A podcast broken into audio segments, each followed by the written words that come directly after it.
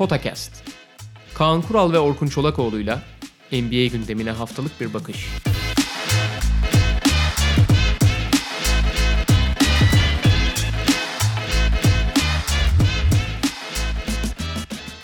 Merhaba Potakest'e hoş geldiniz. Kaan Kural'la birlikte bugün planımız aslında All Star konuşmaktı. E, yedekler bugün açıklanacak. İlk 5 çıkacak oyuncular geçen hafta zaten anons edildi, açıklandı.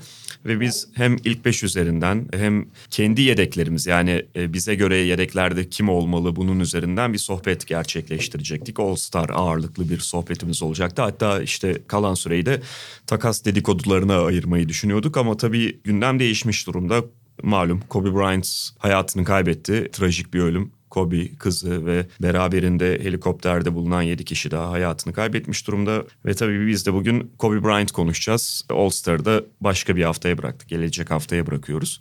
Daha önce de Kobe Bryant basketbolu bırakırken 3 yıl önce üç buçukta diyebiliriz aslında.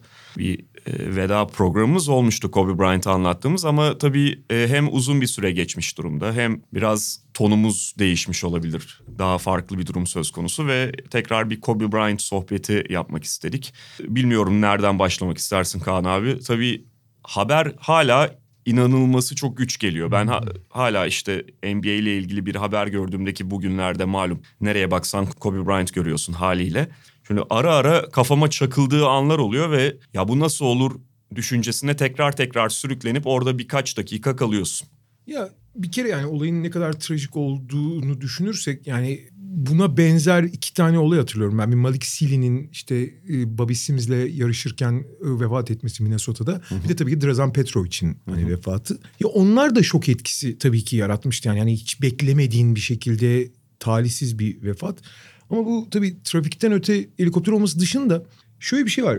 Kobe öyle bir karakter ki sadece hani çok çok özel bir sporcu olmasının dışında tüm hayatı boyunca imkansızı başaran ve kendi yöntemiyle başaran bir nevi bir Darth Vader gibi. Hani çünkü kariyerinin ikinci yarısında villain olmayı yani kötü adam olmayı da sahiplenip ama yani kendi doğruları ve doğrultusunda kendi kazanma hırsı içinde her şeyi her imkansızı başarmaya odaklandığı ve bunu da yani çoğu zaman başardığı için ben bunu Amerikan mutfakta konuşurken şey demiştim. Herkes Everest'e tırmanmaya çalışıyor. Kaf Dağı'na tırmanmaya çalışıyordu Kobe. Ben e, Kobe'nin kariyerinde çok maçını anlatırken yani hiçbir oyuncu kadar oyuncu için söylemediğim kadar şey demiştim. Yani abi bu maçı da artık kimse çeviremez kolay kolay. Hatta şey yani Kobe'nin de bu kadar mücadele etmeyi bırakması lazım. Artık bu maç bitti bir sonraki maçı düşünmek lazım dediğimi defalarca atıyorum ve yani bunu asla yapabilecek bir karakter. Bu yüzden de bir nevi çok kişi için süper kahraman, bazıları için de süper kötü adam formülüyle sanki ölüme bile karşı gelebilecekmiş gibi bir hava yer. Ya gerçekten hani insan dışı bir süper kahraman algısı yaratmıştı. O yüzden yani ya nasıl ölebilir Kobe gibi bir ayrı bir şaşkınlık yaratıyor. Diğer hani ani sporcu ölümlerinin dışında. Evet Ki konduramıyorsun yani kesinlikle. Aynen aynen. Ya ölemez falan diyorsun ve bir kere daha hani ölümün ne kadar gerçek olduğunu tokat, tokat olarak vuruyor. Yani hı hı. abi Kobe bile ölürse demek ki ben de ölebilirim her an. Yani herkes ölebilir falan gibi apayrı bir aydınlanma yaşıyorsun. Aydınlanma mı denir ona, şey mi denir, şok mu denir, ne, ne denir? Dediğin gibi tokat oluyor biraz Aynen. yani insanın hayatına. Bir de şey var abi şimdi Kobe ile herkesin ilişkisi çok farklı olabilir. İşte Emre Özcan da bir video çekti e, Tardini büfede. Ona ne kadar anlam verdiğini. Bana defa hani işte atıyorum diğer sporcular işte Neymar'ın onu anması, Naomi Osaka'nın, Nick Kyrgios'un yani sporcuların daha doğrusu öne çıkmış figürlerin onu anmasını görebiliyorsun ama öne çıkmamış ve sıradan insanların hayatına da nasıl dokunduğunu çoğu zaman bilemiyorsun. Bazıları için çok fazla anlam ifade ediyor. Bana mesela gelen mesajlardan biri çok dikkatimi çekmişti.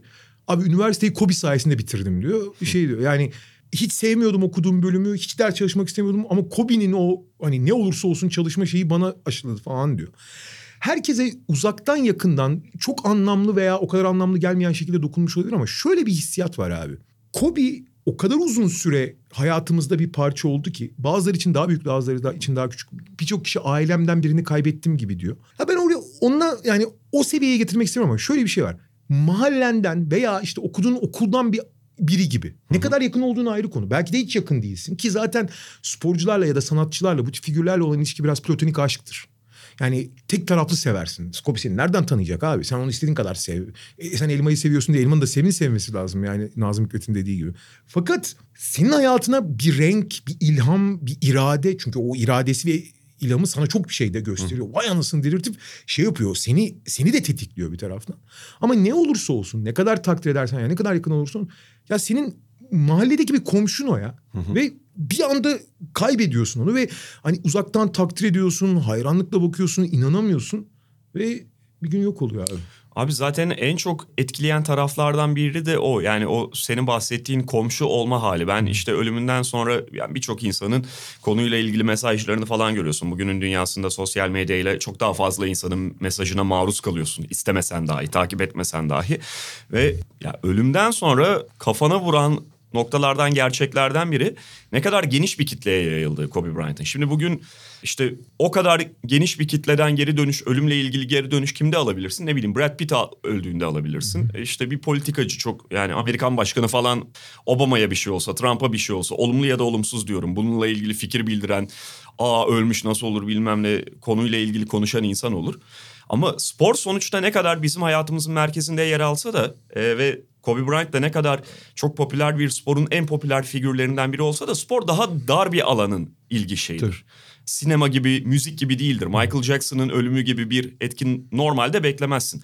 Ama işte bunlar hep söylenir ya biraz böyle belki e, kullanırken öylesine kullanıyoruz ama bunlar sadece spor değil pop kültür ikonları. Hmm. Kobe, Michael Jordan, şimdi LeBron James. Yani bunlar artık sporu aşan figürler. Hmm. Ve ne kadar fazla insanın dediğin gibi o en azından mahalledeki komşu gibi bir halde etkilediğini ya da onların hayatına girdiğini görebiliyorsun. Ama tabii bizim için biraz daha farklı. Yani herkesin sevmesi gibi bir şey yok. Mecburiyet elbette yok. Bazı insanlar sporculuğunda nefret etmiş olabilir. Tabii. Ee, sonuçta kolay bir karakter olmadığı ortadaydı. Kesinlikle. Hatta kutuplaştırıcı bir karakterdi. Hem sağ dışında yaşadığıyla, yaşadıklarıyla olsun hem bizzat üstüne geçirdiği formayla olsun. Ee, sevmesi kolay bir adam değildi Kobe Bryant ama Sevin'in de neden sevdiği gayet ortada. Lakers taraftarı içinde çok kucaklayacağı bir figürdü. Bizim için tabii ki biraz daha farklı Kobe. Çok daha fazla konuşulması gereken bir figür ve 20 yıla yayılan bir kariyer söz konusu burada. Yani 10 yıl değil, 15 yıl değil, 20 yıl. O yıl 20 yılın içerisinde şampiyonluklar var. Şampiyonluğun çok uzağında kalınan sezonlar var. İşte son yıllarında olduğu gibi. Kavgalar var, başarılar var. En iyi oldu mu tartışmasının içinde geçen yıllar var. Tarihin en iyisi oldu mu ya da olabilecek mi tartışmasına dahil olduğu sezonlar bile var. Ee, şey çok önemli. Yani özellikle 2004'teki kavgadan sonra yani Phil Jackson da sağ olsun ağzında bakla ıslanmadığı için her şeyi ortaya döktükten sonra hani Last Season kitabı yazıldıktan sonra Kobe'nin yani o zamana kadar nispeten genç ve çok hırslı bir oyuncu profilinden çıkıp gerçekten yani mamba mentality. Abi insan niye kendine kara mamba diye lakap alır? Kara mamba dünyanın en saldırgan en tehlikeli yılanlarından biri. Yani o gömleği giymeye karar verdi Kobe Bryant. Zaten hiçbir zaman abicim iyi insan olmak gibi bir şey yoktu insanları kendini sevdirmek vesaire. Mesela LeBron'un kısmen var o ya da pek çok oyuncunun pek çok bu kadar popüler figürün topluma sempatik görünmek gibi bir kaygısı ya da en azından bir dürtüsü olabilir. Kobe bunu hiçbir zaman takmadı gibi. Onun tek taktığı şey işini en iyi yapmak ve kazanmak olduğu için şey, madem öyle abi dedi. Yani madem hani şey yapmıyorsunuz. Ben Karamanba olmaktan hiç çekinmiyorum yani. Çünkü ben en azından dürüstüm. Ne yapmak istediğimi söylüyorum yani. Ben abi babamı tanımam, takım arkadaşımı da tanımam. Herkes bu yani bu hedefe ulaşmak için her şeyi yaparım elimden yani. Yani Şimdi, çok yapılan benzetme Anakin Darth Vader şeyi. Işte, ben, ben size vermem söylüyorum. Tam Darth Vader gibi yani. Fakat bu abi o kadar kısıtlayıcı bir yere sığdırıyor ki seni. Abi dışarıdan bakan bir insan. Yani Lakers taraftar veya Kobe taraftar değilsen lan o kadar konuşuyorsun yap da görelim diyorsun. Ama yaparsan eyvallah. Aha. Yaparsan eyvallah. Ama yapamazsan da söylediğini bu kadar e, yaktığın yıktığına değdi midir? Abi işte işini de yapıyorsun abi. Ve o zaman da sevebilirsin. Yani sev, sevgi başka bir şey tamam mı? Bir sürü sebepten bir insanı sevebilirsin veya sevmeyebilirsin. Fakat abi o zaman yaptığı işe vay anasını deyip hani saygı çerçevesinde düşünmek ama bir bir hayranlık duymak zorundasın abi. Yani bu, bu, bu, bu acayip bir şey diyorsun yani. Tabii ki ve yani işte o hayranlık duyma şeyini hep ayırmak gerekiyor. Yani bazen bana ne ne seveceğim ne hayranlık duyacağım falan gibi bir yaklaşımda bulunanlar da oluyor. Halbuki sevmek zorunda değilsin abi. Tabii, Burada tabii, tabii. basketbol temelli konuşuyoruz. Yani Kobe Bryant'ı kötü bir karakter olarak da görebilirsin.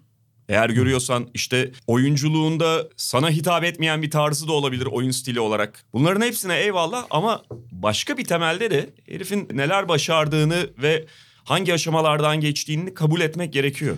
Ve yani bugün irade e, ve odaklanma gibi kavramları hayatında bir yerlere oturtmak istiyorsan abi şey gibi ansiyopedik karşılığı gibi ya. Yani irade nedir, odaklanmak nedir diyorsan abi Kobe diye bir topçu var onu seyret dersin yani tamam mı? Yani çünkü single minded diye bir laf var ya hani tek bir şey düşünüyor sadece. Ve bunu biliyorsun.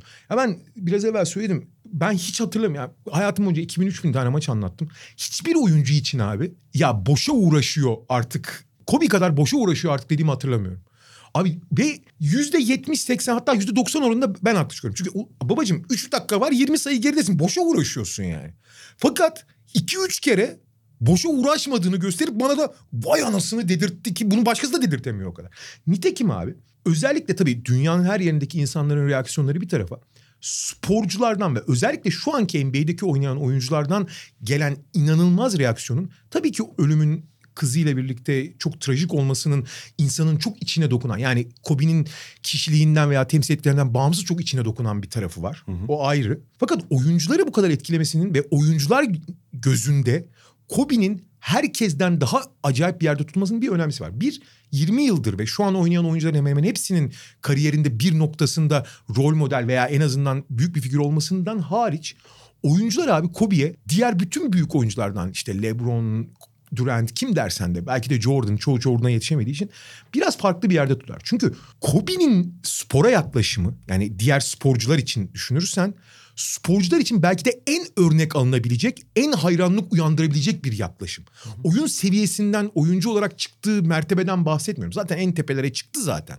Ama atıyorum LeBron'un veya Durant'in veya başka birinin Jordan'ın ondan daha iyi olduğunu, daha iyi oynayabildiğini, işte Shaquille O'Neal'ın daha etkili olduğunu falan düşünebilirsin. Bu değil ama diğer sporcular için babacım Kobe'dir büyük sporcu diyorlar. Çünkü sporun yani rekabetçilik denen ve sporcuları motive eden ana faktörü en yüksek mertebede temsil eden kişiydi Kobe. Hı hı. Kariyerinin biraz başına gittiğimizde yani en başına hatta NBA kariyerinin gittiğimizde şimdi Kobe Bryant tamam yoksul bir çevreden imkansızlıklar içinde falan gelen bir oyuncu değil. Öyle bir hikayesi yok ama kendi içerisinde bambaşka başka zorluklarla geldi. O ilk Lakers'a girişini hatırlarsak evet Kobe Bryant çok etkileyici bir workout sonrasında Lakers'ın Aa, bu adamı mutlaka alalım diyerek kadrosuna kattığı üstelik Jerry West gibi efsane bir figürün onayıyla direkt onun bu alınmalı diyerek kadrosuna kattığı bir isim.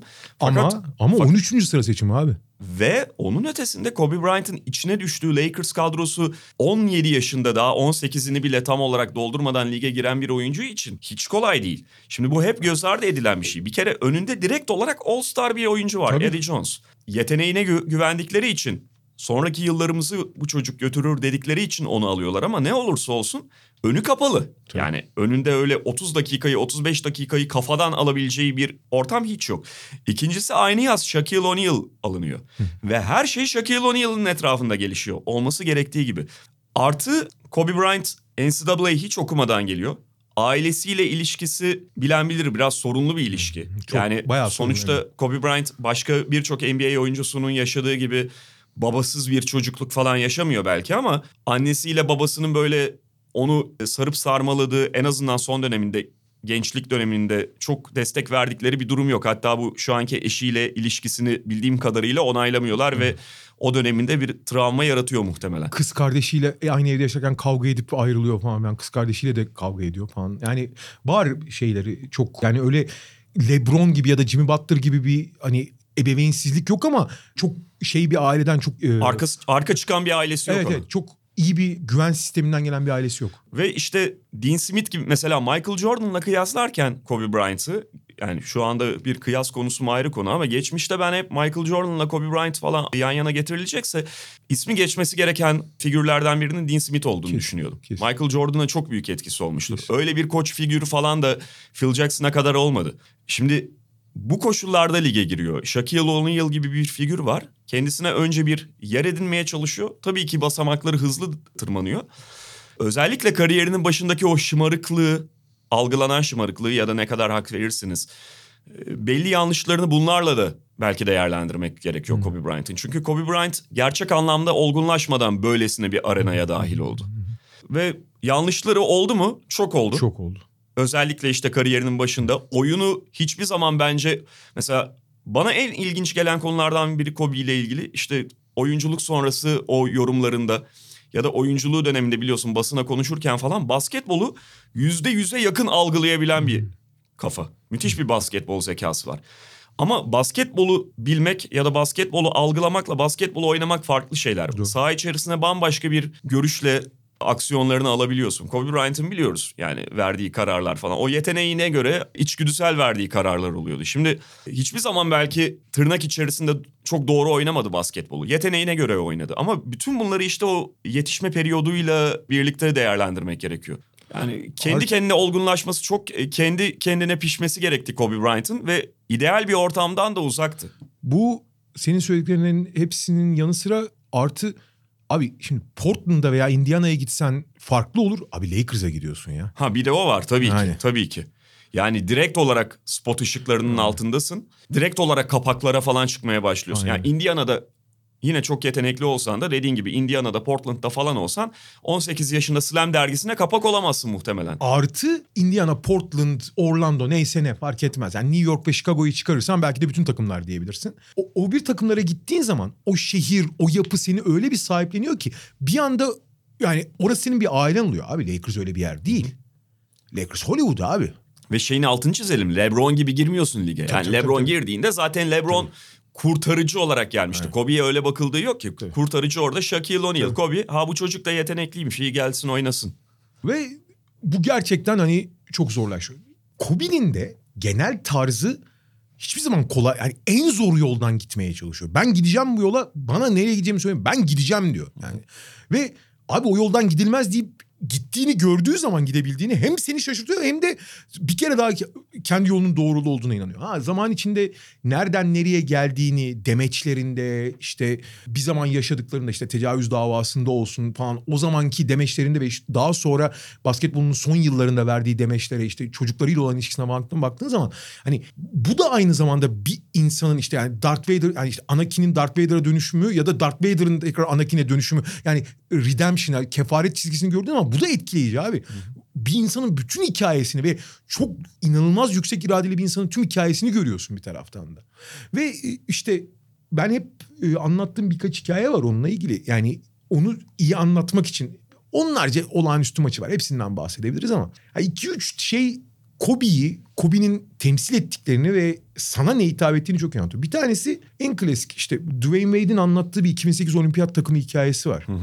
Wade işte 2008 olimpiyat ana kadro, büyük kadro işte 30 kişi kadro toplandığı zaman işte Chris Bosh yakın arkadaşı zaten Chris Bosh'la konuşuyorlar. İşte bu yazı iyi geçirmemiz lazım zaten Amerika 2004 olimpiyatta perişan olmuş. e, 2006 dünya şampiyonasında yenilmiş. Ha bu takım işte redemption team olacak. Hani çok dik şey olmalıyız. Çok konsantre olmalıyız. Bizden çok şey bekleniyor. 2004'ün kötü anları Dwayne Wade'de de var zaten falan. Ve çok ciddi antrenman yapmaya, o yazı kendini geliştirmek için de adamaya karar veriyorlar. Ve şey sabah 8'de kahvaltıya inecekler. 8'de abi kahvaltıya inelim ki yani gün erken başlasın e, bütün günü çalışmaya ayıralım. Eyvallah eyvallah. Sabah 8'de kahvaltıya iniyorlar işte böyle uykulu uykulu. Yazın ortası çünkü yani. Abi 15-20 dakika sonra Kobe geliyor. Ve duş almış böyle. Wade de şey diyor ona. Ya keşke ben de duş alsaydım uyanamadım diyor. Tamam mı? Kalkınca duş alsaydım falan. Kobe de bir şey demiyor. Hani yemeğe başlıyor falan. Ya terliydim ben o yüzden aldım diyor. Yoksa ben de kalkınca almıyorum falan.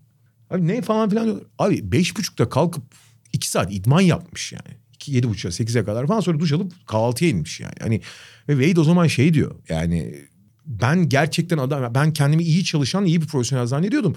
Hani hiç alakamın olmadığını orada gördüm. Diyor ki sen de söylemiştin. Hani o 2008 olimpiyatı pek çok oyuncu için çok ciddi bir değişim yaşamıştır. Yani kendilerini onları ne kadar etkilediğini görüyorsun. Vay anasını diyeyim. Yani kendi standartlarını değişti. Senin benim standartımı değiştirdiği gibi onların standartını bile değiştiriyor Kobe. Evet yani LeBron'un, Wade'in işte Chris Bosh'un başka birçok oyuncunun o günden sonra oyunundaki gelişimin belki hızlandığını bile Aynen öyle. söyleyebilirsiniz. Ve Aynen. Kobe'nin onda %100 Kobe etkisi değil belki. Birlikte çalışmak, o ortamın içerisinde bir kazanan takım içerisinde yer almak falan da tabii ki faktör olmuştur ama birebir Kobe'yi görmek kendileri zaten ifade ediyor Çok senin söylediğin gibi. Birebir Kobe'yi görmek onlara çok kafa açan bir deneyim yaratıyor.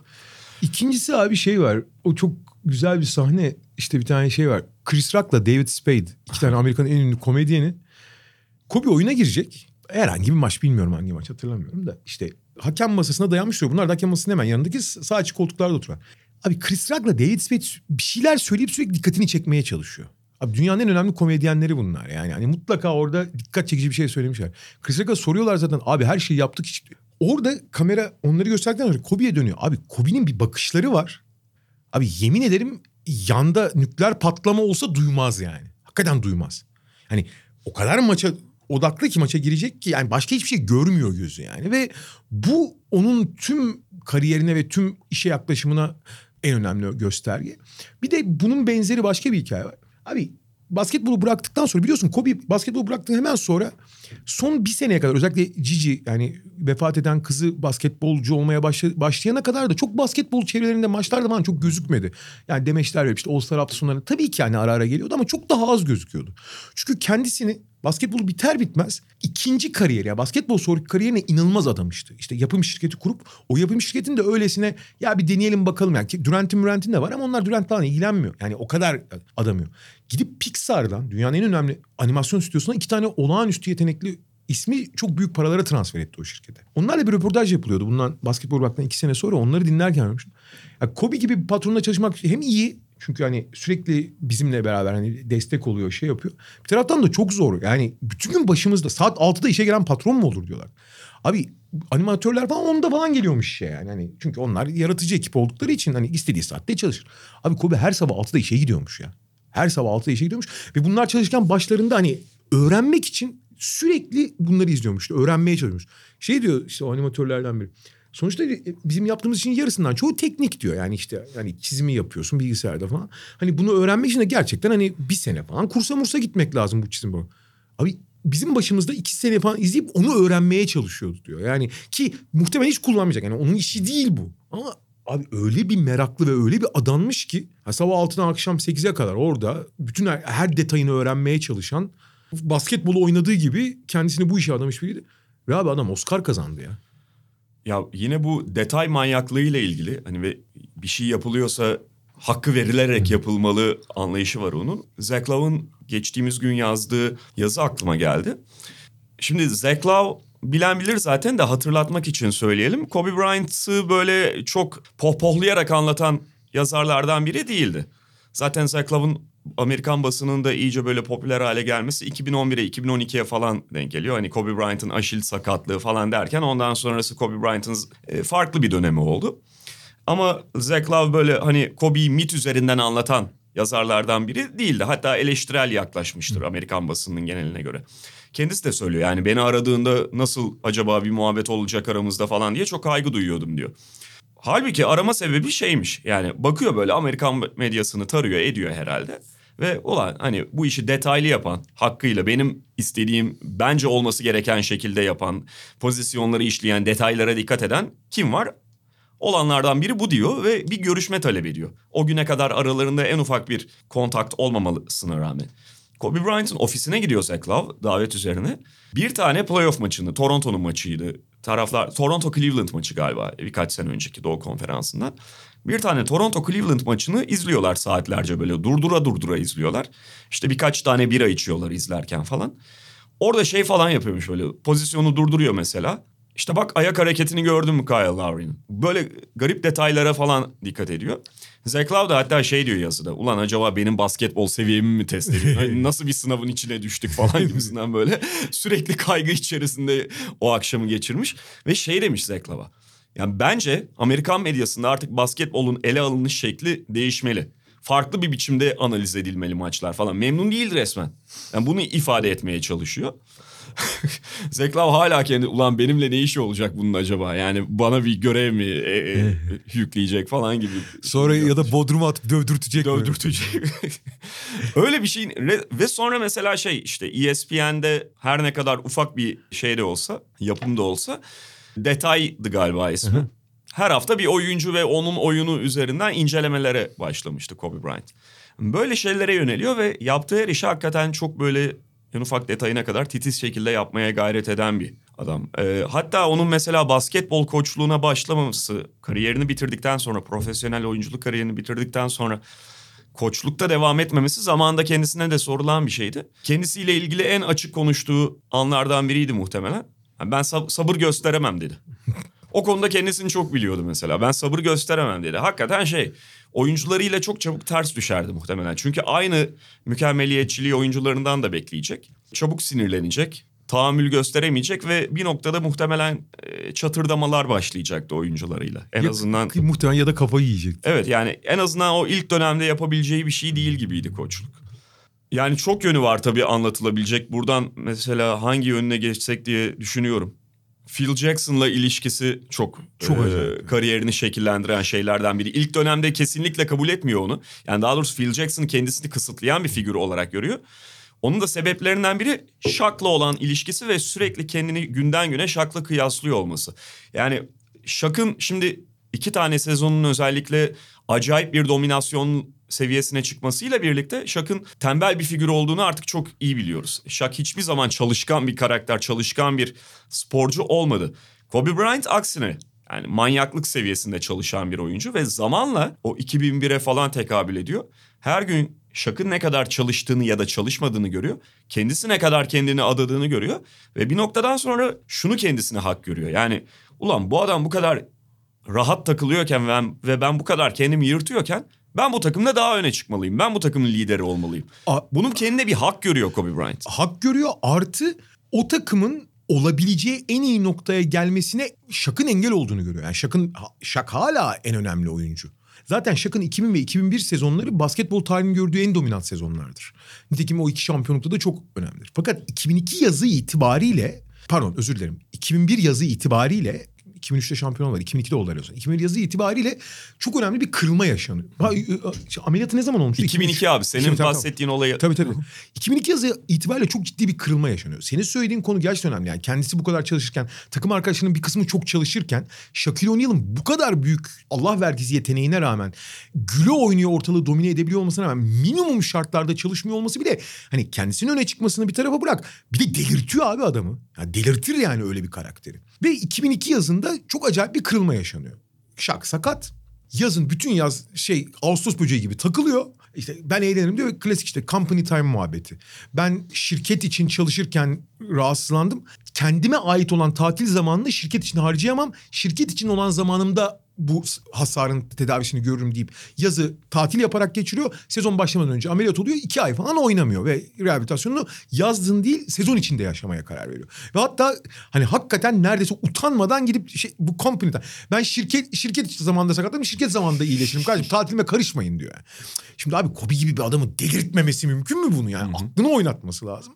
Ve oradaki kırılma başladıktan sonra işte o 2003 yazı ondan sonra 2004'te olan o müthiş takımın kurulması ama zaten Phil Jackson'ın kitabında özetlediği yani sezon içinde yaşananların haddi hesabı yok. Ya, tecavüz davası falan süresince iyice herkesten kopuyor bu arada. Aynen, herkesten, ko- herkesten kopuyor. Sürekli işte Colorado'ya gidip gelmek zorunda kalıyor. İşte dava en sonunda zaten kriminal dava hiç açılmıyor. Şey davası da tazminatla kapatıldıktan sonra o sezon da Kobe için zaten çok problem. Zaten bir taraftan şaka kızıyor, bir taraftan Phil Jackson onunla her yıldızda kurduğu iletişimden farklı bir iletişim kuruyor. Phil Jackson da ona çok ulaşamıyor falan derken kendi psikolojisi de iyice dağılıyor. İyiden iyiye patlama noktasına geliyorlar. Ve o sezon süper yani Gary Payton ve Karl Malone'un kurduğu işte 2003-2004 sezonundaki süper takımda en sonunda Gerçi finale kadar geliyor ve finale de aslında favori girerken Karl Malone sakatlanıyor. Karl Malone sakatlanmasa ne olur falan gibi tartışmalar var ama takımın kendi içindeki kimyasını falan paramparça olduğu zaten ortada. Phil Jackson bütün detaylarıyla sezon içinde yaşananlarla falan anlatıyor. Yani birbirini gırtlaklayacak duruma gelmişler yani bir, bir noktadan sonra. Zaten işte bu Karl Malone'un Vanessa Bryant'la Meksikalı avlıyorum hikayesinin falan iyiden iyiye iyiden iyiye suyunun çıkması falan derken Gary Payton'ın hiçbir şekilde bir şey verememesi takıma yani onun yarattığı dinamikler geri Payton'ın oynatma. Yani on, o tip sportif tarafları bir tarafa bırakırsak o yaza gelindiğinde her şey dağılmış. Favori Lakers kazanamamış ve Kobe resti çekiyor yani. Baba bu şakla olmayacak. Ya ben ya şak diyor. Evet. Ya bu arada o kitap hakikaten okuyan okumuştur. Bir takım hakkında ve bir takımın kirli çamaşırları hakkında en fazla ortaya döken kitaplardan biri. Abi Phil Jackson'ın ağzı torba değil filtresiz olduğu için her şey bir de bayılıyor öyle şeyler. Phil Jackson o tip şeylere bayılıyor abi. Yani daha bir filtresiz anlatıyor. Yani bazı şeyleri ifadeleri yumuşatabilirsin. Bazılarını biraz daha kamufle edebilirsin. Öyle değil abi. Patır patır yani. Ve e, şey yani şimdi Phil Jackson direkt olarak belki Kobe'ye açıktan açıktan vurmuyor. Ama Kobe Shaq kavgasında da biraz Shaq tarafında durduğu kitaptaki çok ifadede belli oluyor. Kesin. E, çünkü şey yani kendisi de muhtemelen Kobe'ye sinirli belli açılardan. Tabii. Ve çok yerde kitapta okuyanlar zaten hatır, hatırlayacaktır. O öfkesini Phil Jackson'ın o Kobe'ye kızgınlığını hissedebilirsiniz. İşin bana e, en ilginç gelen taraflarından biri yine kit- kitaptaki ifadelerden. Tex Winter aynı dönemde Kobe'ye daha yakın duruyor Doğru. mesela. Tex Winter da şaka sinirleniyor. Kobe ile benzer şeylerden. Yani ulan bu herif de bozuyor takımı bilmem ne falan gibi şaka sinirleniyor bir taraftan. Phil Jackson onları da aktarıyor kitapta. Phil Jackson daha önce özellikle ilk üç şampiyonluk döneminde ve özellikle Chicago döneminde çünkü Kobe Jordan'a çok benzediği için pek çok açıdan oradaki Michael Jordan'ın rekabetçi enerjisini o gerginliği hedefe yönlendirme konusunda iyi iş çıkarmıştık. İşte zen felsefesi kitap okutuyor falan millete ayin yaptırıyor maptırıyor tütsülerle mütüsülerle muhabbeti var. Onların hepsi biraz de- dekor ama sonuç itibariyle o enerji ve Michael Jordan enerjisi de çok negatifti o açıdan. Yani hani çok ağır bir enerji o. Onu kanalize edebildiği zaman iyi, iyi oluyor. Fakat Kobe'nin enerjisini kanalize etmek konusunda hem zorlanması o Kobe'nin isyankar hali. Yani Kobe'yi bir lokomotif gibi kullanırken Kobe bir taraftan hani oynuyor oynamasını ama Şake de sürekli sinirliyor. Şake sinirlenmek yerine Şake sürükleyen oyuncu olması rolüne daha doğrusu Phil Jackson'ın kafasındaki profile oturmaması Kobe karşı onu yani ben buradan bir enerji yaratırım. Buradan bir ahenk yaratırım ama bu ahenki bu adamın isyankarlığı, bu adamın e, şeyi rekabetçiliği çok bozuyor havasına girdiği için çok Kobe'nin sırtını dönmüştü orada. Ve Phil Jackson işte takımdan ayrılıyor yani sözleşmeyi yenilemiyorlar. Shaq zaten gidiyor. Kobe'den yana oluyor tercihi e, Lakers'ın. O dönem çok Çok eleştirilmişti. eleştirilmişti. Ama mesela o günü hatırlarsak Jerry Buss'ın hiçbir zaman bunu hatırladığım kadarıyla kendisi çıkıp birebir açıklamadı ama kararı çok anlaşılabilir bence. Shaq'ın bir yolun sonuna doğru hızlı geldiğini o görebiliyordu. Shaq zaten 72 doğumlu işte 32 yaşında o gün. Kobe Bryant 6 yaş daha genç. Ulan zaten Shaq hani çalışmıyor. 32 yaşında bu adam 2 sene daha gider ondan sonra çöküşe başlayacak diye baktı. Her ne kadar hala Shaq dominant olsa nitekim Miami'yi bir şampiyonluğa da, daha taşıdı Wade'le. Kobe ile yola devam kararı alıyor. Phil Jackson'la da gidiyor, e, şey yapıyorlar ama o sezon işte sakatlıklar falan da derken Kobe de sakatlandı omzundan. Playoff'un dışında kalıyorlar sonra yine Phil Jackson'a gidiyorlar. Hatta işte Jerry Buss cenazesinde Kobe anlatıyordu. Jerry Buss ne dersin Phil Jackson'ı geri getirelim mi diyor. Kobe böyle "Ee, yani hani biliyorsun abi beni durumumu falan diyor.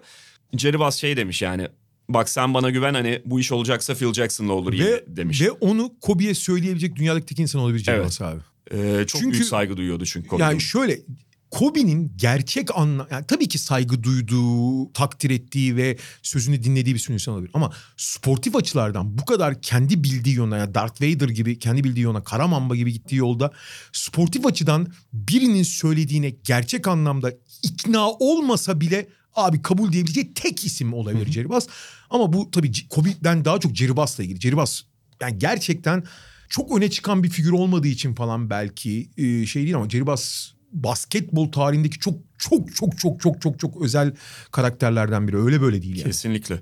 Şeye gelelim abi buradan. Şimdi hani dedin ya o dönemde bir Darth Vader'la geçişi vardı ve o kara mamba personasını kabullenişi vardı Kobe Bryant'ın. Bununla kendini kabul ettirmesi tam olarak aslında ondan sonraki o 2009'daki 2010'daki şampiyonluklarla değil. Öncesinde sahada şampiyonluk ötesi başarıları da oldu. Tabii, yani tabii, evet o 2004-2005 büyük bir rezil oluş kaba tabirle. Çünkü playoff dışında kalıyorsun. Öbür tarafta şak şeye e, doğunun zirvesine gidiyor. Neredeyse finale çıkacak Detroit'e takılmasa 7. maçta. Ama sonra Phil Jackson'ın gelişi ve o çok kötü kadroyu playoff'a taşıması hatta neredeyse playoff'ta turda geçirecek olması Kobe'nin tekrar insanlar nezdinde algısını değiştirmeye başlamıştı. İlk Ve- adımları orada attı. Ve 35.6 2005-2006 mıydı? 2005-2006 işte 2005 ilk sezon yani Aynen. o playoff dışı kalışın sonrası ilk sezon. Ya, bir 2005-2006 sezonunda yaptıkları hani hakikaten insan zihnini zorlayan şeylerdi. Yani Smash Parker'lı falan o leş kadroyla Kwame neler- Brown. Kwame Brown falan neler yapıyordu ya. Bir ara düzenli olarak 40 sayı atıyordu ve atmadığı zaman büyük sıkıyordu. Ve o sene büyük de bir haksızlığa uğradığı için aynı zamanda. Yani tamam hani seversin sevmezsin ama ulan bu kadar işi yapan adama yerine gidip Steve Nash'e MVP verildiği zaman da insanlar da ilk defa abicim şimdi bu adamı tamam sevmeyebilirsiniz de abi çok hakkını yediniz dedi. Sonra o takımda Phoenix'e karşı 3-1 öne geçmesi Aha. falan o gerçekten algısının da ve oyuncu olarak da bireysel olarak da çok değişmesine e, sebep olan en büyük kırılma anlarından biri. Sonra tabii işte olaylar hızlı gelişiyor. Andrew Bynum bir anda gelişim gösteriyor. Üzerine Pau Gasol takası. Lamar Odom kendisini oyuncu olarak tekrar tanımlamaya başlıyor. Orada yerini buluyor. Derken tekrar hani şampiyonluk sezonlarına geliniyor. 2008'de finalde yetmedi güçleri Boston Celtics ama sonra iki şampiyonluk üst üste. Orada da mesela yine bu sonra ya ölümünden sonra yazılanlardan birinin hatırlattığı bir durum var. Biliyorsun Pau Gasol ilk geldiğinde özellikle Memphis'ten Lakers'a ilk geldiğinde çok soft etiketiyle anılan bir oyuncuydu. Hiçbir zaman zaten çok böyle hani sert Kevin Garnett'imsi bir oyuncu olmadı ama ilk Lakers günlerinde özellikle ya bu adam iyi güzel de çok nazik be abi. Çok soft kalıyor diyorlardı. 2008 olimpiyatlarının finalinde İspanya ile oynarken Amerika Kobe'nin Gasol'e o pozisyonu hatırlıyorum. Böyle daldığı bir pozisyon var şey. Gasol perde yapıyor Kobe savunmada. Perdeye doğru omuzla giriyor Kobe. Öyle bir pozisyon var. Ee, Lakers'ın uzun süre hatta şu anda da çalışıyor. Şeyliğini yapan fizyoterapist değil de işte masör gibi. Lakers'ta çalışan Judy Seto şey diyor. Onu kesin kasti yaptı diyor. Kesin kasti yaptı. Sırf o maça yönelik Amerika forması giydiği ve Gasol rakip olduğu için yaptığı bir şey değildi. Gasol'e aynı zamanda bak kardeşim seninle şampiyonluk yoluna gidiyoruz. Yolunda yürüyeceğiz. Kendini hazırla bunlara diye mesaj vermeye çalıştığı bir şeydi. E, maçın içinde saçından tutup sarstığı pozisyon var Pau Gasol'ü. Evet o şey Dallas'a kaybederken Aha. ee, galiba. Aynen. Ya şey daha çok şey anlatırız da ben son olarak şeyi söylemek istiyorum. Yani saatlerce konuşabiliriz. Senin de söyleyeceğin başka bir şey var. Ben son sadece son olarak şeyi söyleyeceğim. Abi 2016 2015-2016 sezonunun son günü. Abi basketbol tarihinin en önemli olayı yaşanıyor. Golden State Warriors 72-9 gelmiş. Memphis Grizzlies ile oynuyorlar. Maçı kazanırlarsa NBA tarihinin en görkemli takımı olacaklar. 73 galibiyet almış takım olacaklar. Zaten basketbolu falan çok değiştirmişler. Herkes çılgınlar gibi kutluyor. Tarihin en büyük takımı olacaklar ya. Ve maçın anlamı bu yani. Hani onun kutlaması. Abi o gün ikinci haberde o maç ya. Yani bunu da başka kimse başaramaz abi. Çünkü aynı zamanda aynı günde hiçbir amacı olmayan, hiçbir yere gitmeyen, sezonda 16 galibiyeti olan Lakers'ın son maçı Utah'a karşı oynanıyor. Utah'ın da işi bitmiş. Yani şey olarak playoff'ta yerini Evet, garantilemiş. Aynen. Ve 16 galibiyetli Lakers oynuyor ve bütün hikaye gene Kobe Bryant ve 50 şut atıp 60 sayı atarak yani Kobe Bryant gibi bitirdi kariyerinde ve bütün hikayede Ko- Kobe Bryant üzerinden yazıldı o gün. Aynen. Yani işte bu etkiyi başka bir şekilde yaratamazsın abi. Ben de en son şeyi söyleyeceğim. İşte e, yani bilen bilir daha önce de ifade etmişimdir podcastlerde falan. Ben Kobe Bryant benim herhalde yanlış hatırlamıyorsam posterini odama astım tek sporcu bugüne kadar. E, Öyle bir sevgim vardı gençlik şeyimde. Ve hep şeyi hayal ederdim. Yani böyle Michael Jordan'ın o Utah attığı son şut e, gibi bir son işte. Şampiyonlukla biten falan bir son hayal ederdim Kobe için. Jordan'ın Washington'daki iki yılını hiç içime sindiremedim. Bir Kim- Chicago ve Jordan taraftarı Kimse hatırlamıyor zaten. Kobe için de abi. Kobe için de o aşil sakatlığından sonraki 3 sezonu hiç içime sindiremedim ama şey oldu mesela. Sonra düşününce hep şey gibi kabullenmeye başladım. Yani o aşil sakatlığı Kobe'nin e, kariyerinin finaliymiş gibi düşünmeye başladım. Her ne kadar bir şampiyonlukla bitmese de o çok epik bir şeydi sonda esasında. Çünkü ya hatırlayan hatırlar o 2012-2013 sezonu Lakers Dwight Howard ve Steve Nash'i alıyor. Şampiyonluğun bugün hat- e, herkes onu tam olarak bütün detaylarını aklına getiremeyebilir ama şampiyonluğun bir numarası olarak bir numaralı favorisi olarak sezona giriyor. Ama Nash hiç oynayamıyor. Nash daha ikinci maçında sezonu sakatlanıyor. Dwight Howard anlaşılıyor ki bir türlü o omuz sakatlığından pardon bel sakatlığından kurtulamamış. Artı e, ge- gevşekliğin zirvesinde. Evet e, zaten sezonun beşinci maçı Mike Brown kovuluyor. Koç değişikliğine gidiyor Lakers. Jerry Buss ölüyor. Bir sürü başka şey var drama var. Kobe Mike D'Antoni de zaten bunlara yeşil ışık yakan bir koçtur. 42 dakikalarla falan oynamaya başlıyor sezonun sonunu. Yani artık 42-43 dakika sahada kalıyor. İnsanüstü bir performans. Belki Kobe'nin kariyerindeki en acayip periyotlardan hani ilk üçe falan girer.